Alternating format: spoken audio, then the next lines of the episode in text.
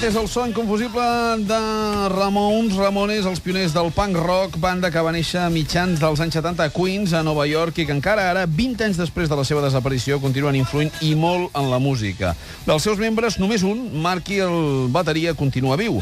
Ell i també les cançons dels Ramones es mantenen vives amb gires com la que aquests dies el porta a casa nostra. Divendres tocarà a la sala Rasmatàs i avui tenim l'honor de rebre'l al matí de Catalunya Ràdio. Marky Ramone, molt bon dia. Uh, good morning. Good morning. Uh, L'acompanya en David Riu, que és el manager personal i traductor, perquè de català i de castellà encara no, no en domina gaire, però aquí el tenim en, en plena forma. Uh, imagino que sent l'únic membre viu dels uh, Ramons, el fet de seguir de gira, el que això comporta és mm, la voluntat de, de mantenir un, un, un llegat. Uh, if you are playing right now on, stage, it's because you, you want to keep the legacy alive of the Ramones, no? Yes, I want to keep the legacy alive. The uh, songs are too good not to be played. I think Joey, Johnny, Dee would have really liked to know I'm doing this wherever they are. Uh, there's a whole new younger generation who has gotten into the Ramones, and they weren't around really or able to go out when we retired in 1996. So now that they're older, they can go out to rock shows and have a good time, have fun. Uh, we just want people to have a good time. We don't want any violence at our shows. We want everyone to get along and have a good time. That's important. And uh, that's my goal, is to do that.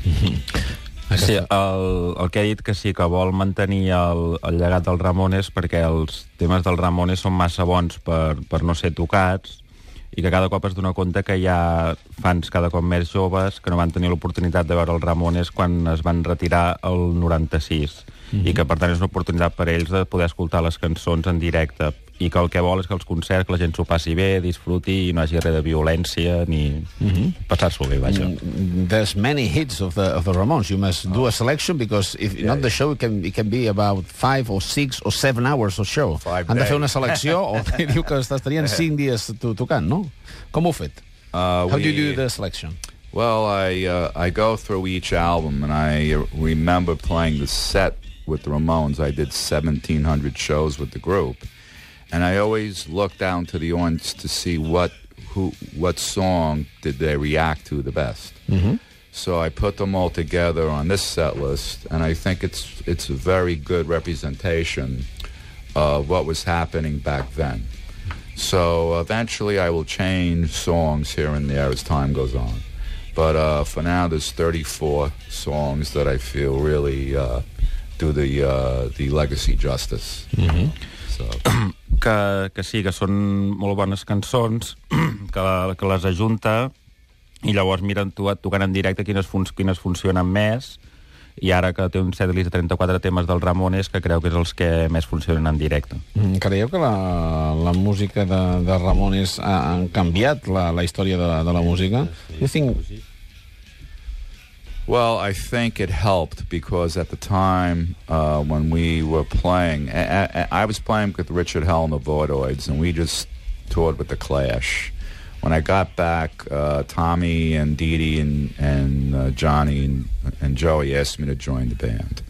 What was happening was disco was big, and you know, rockers weren't really into disco, punk rockers weren't into disco, and stadium rock, which was very overblown, self-indulgent guitar, 10-minute solos, 10-minute drum solos, and it was all done before, and we were sick of it.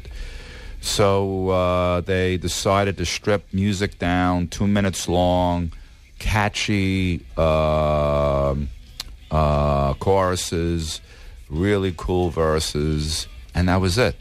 So when you b- bought a Ramones album, there were at least 14, 15 songs on it instead of six.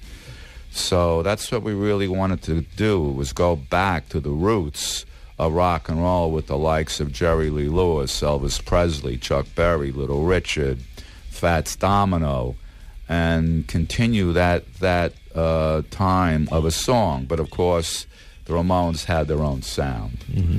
So uh, that's really what was the intention. Bueno, ha, coment, ha comentat que bé, ell el 74, el 76, quan van començar el Ramones, ell tocava amb el Richard Hell and the Voidoids i que estava de gira per Anglaterra amb els Clash.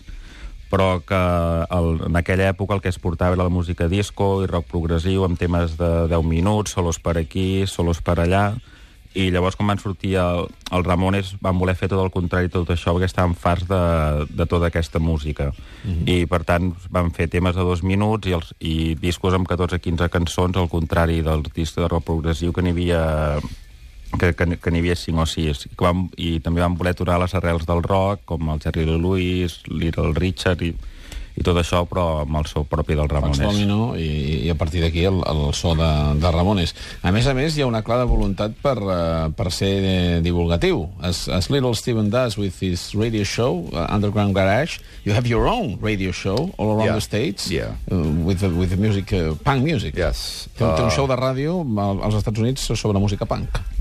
Well, uh, I have a show. I get to play what I want. It's on twice a week throughout the United States, three hours a show. Oof.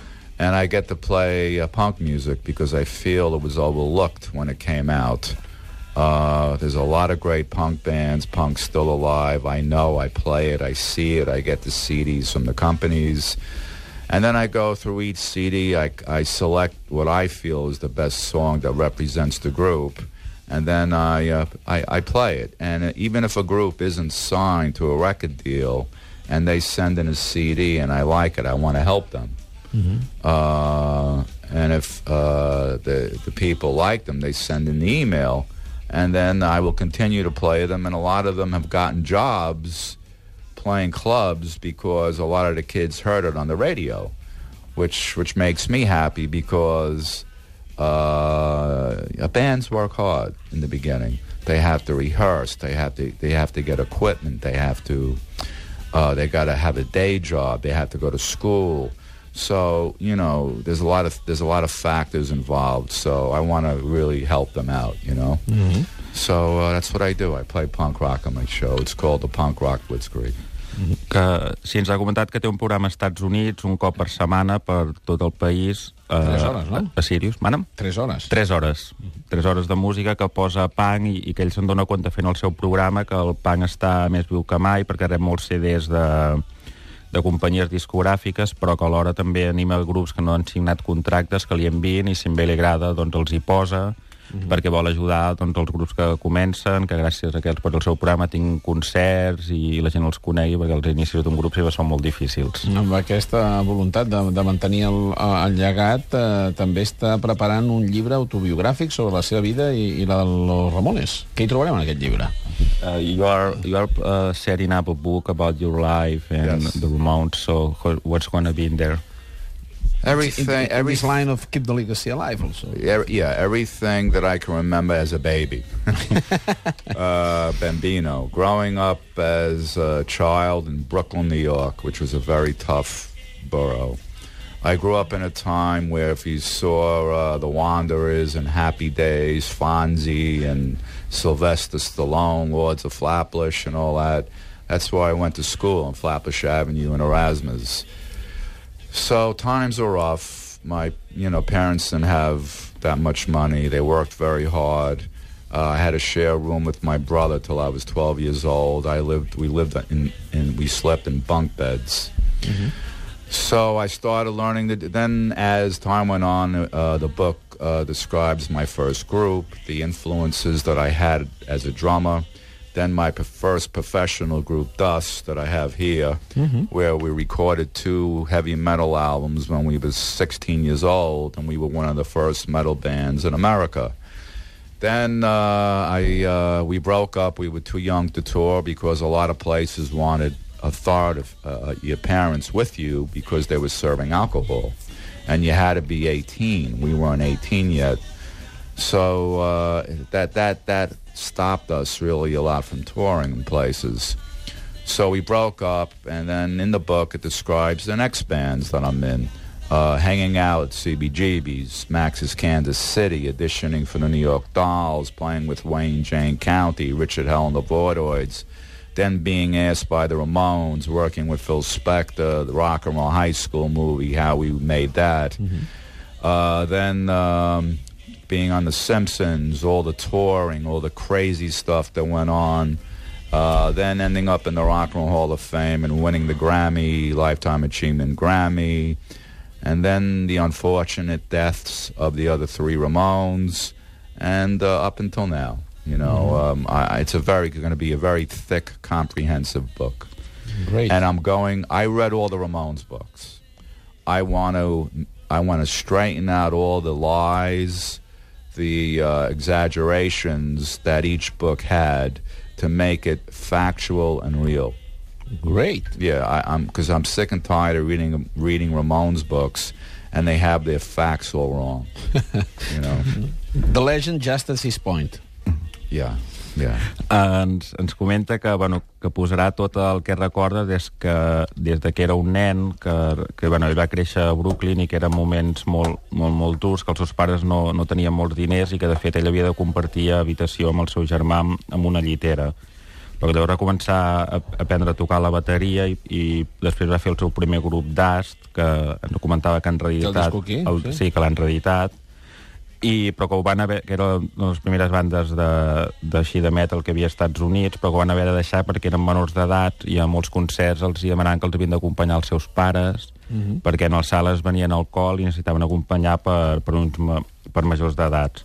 I després explicarà doncs, quan va tocar amb Wayne Canting de Backstreet Boys, amb el Richard Hell, i posteriorment amb, amb el Ramones, on explicarà com van sortir amb el Simpson, el Rock and Roll Hall of Fame, els Premis Grammys, les gires i que vol que sigui un llibre on s'expliqui la veritat, que està fart de que tothom va traient llibres del Ramones i tothom hi diu la seva i diu, explicaré que vol deixar les coses clares i aclarar coses que no són certes. Posarà la llegenda en el punt real eh, de com va ser. Eh, el que tinc moltes ganes de saber és com és un, un show de, de, del Marc i Ramone a partir d'ara. És a dir, què veurem en el, a la sala Rasmatàs. Hem parlat de quins són aquests hits, però sobretot aquesta actitud imagino que, que es mantindrà durant, durant tot el concert.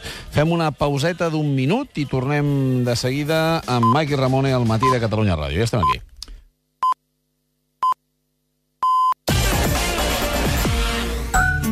Què faràs aquest estiu?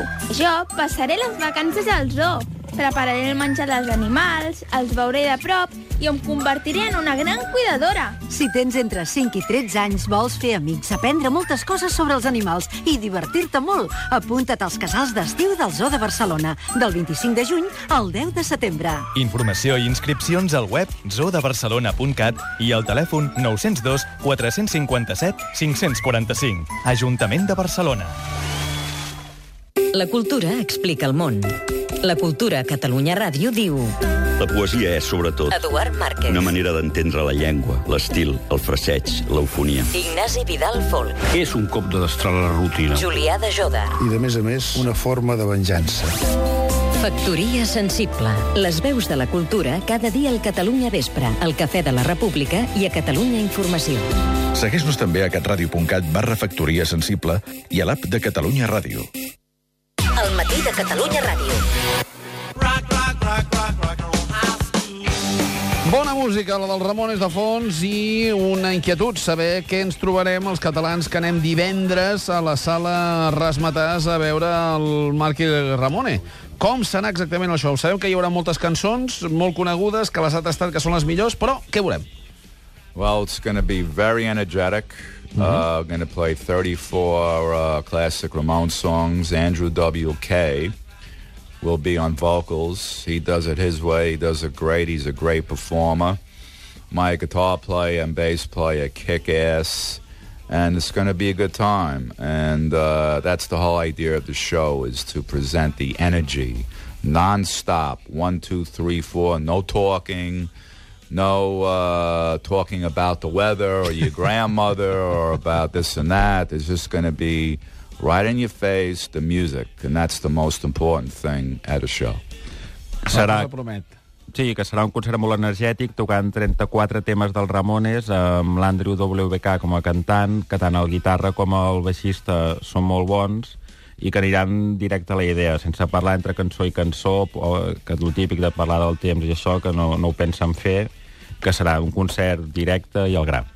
Marc i Ramone, moltes felicitats i moltes gràcies per, per ser avui aquí. Oh yeah, thank you. Thanks. Uh, thank you for having me. See you in Razzmatazz. Thank you very much. Hope you. I hope we can both stay up that late. Yes! three, three thirty, three o'clock in the morning, everybody. Una petita pausa i tornem de seguida.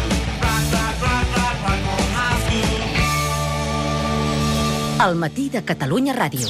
Manel Fuentes.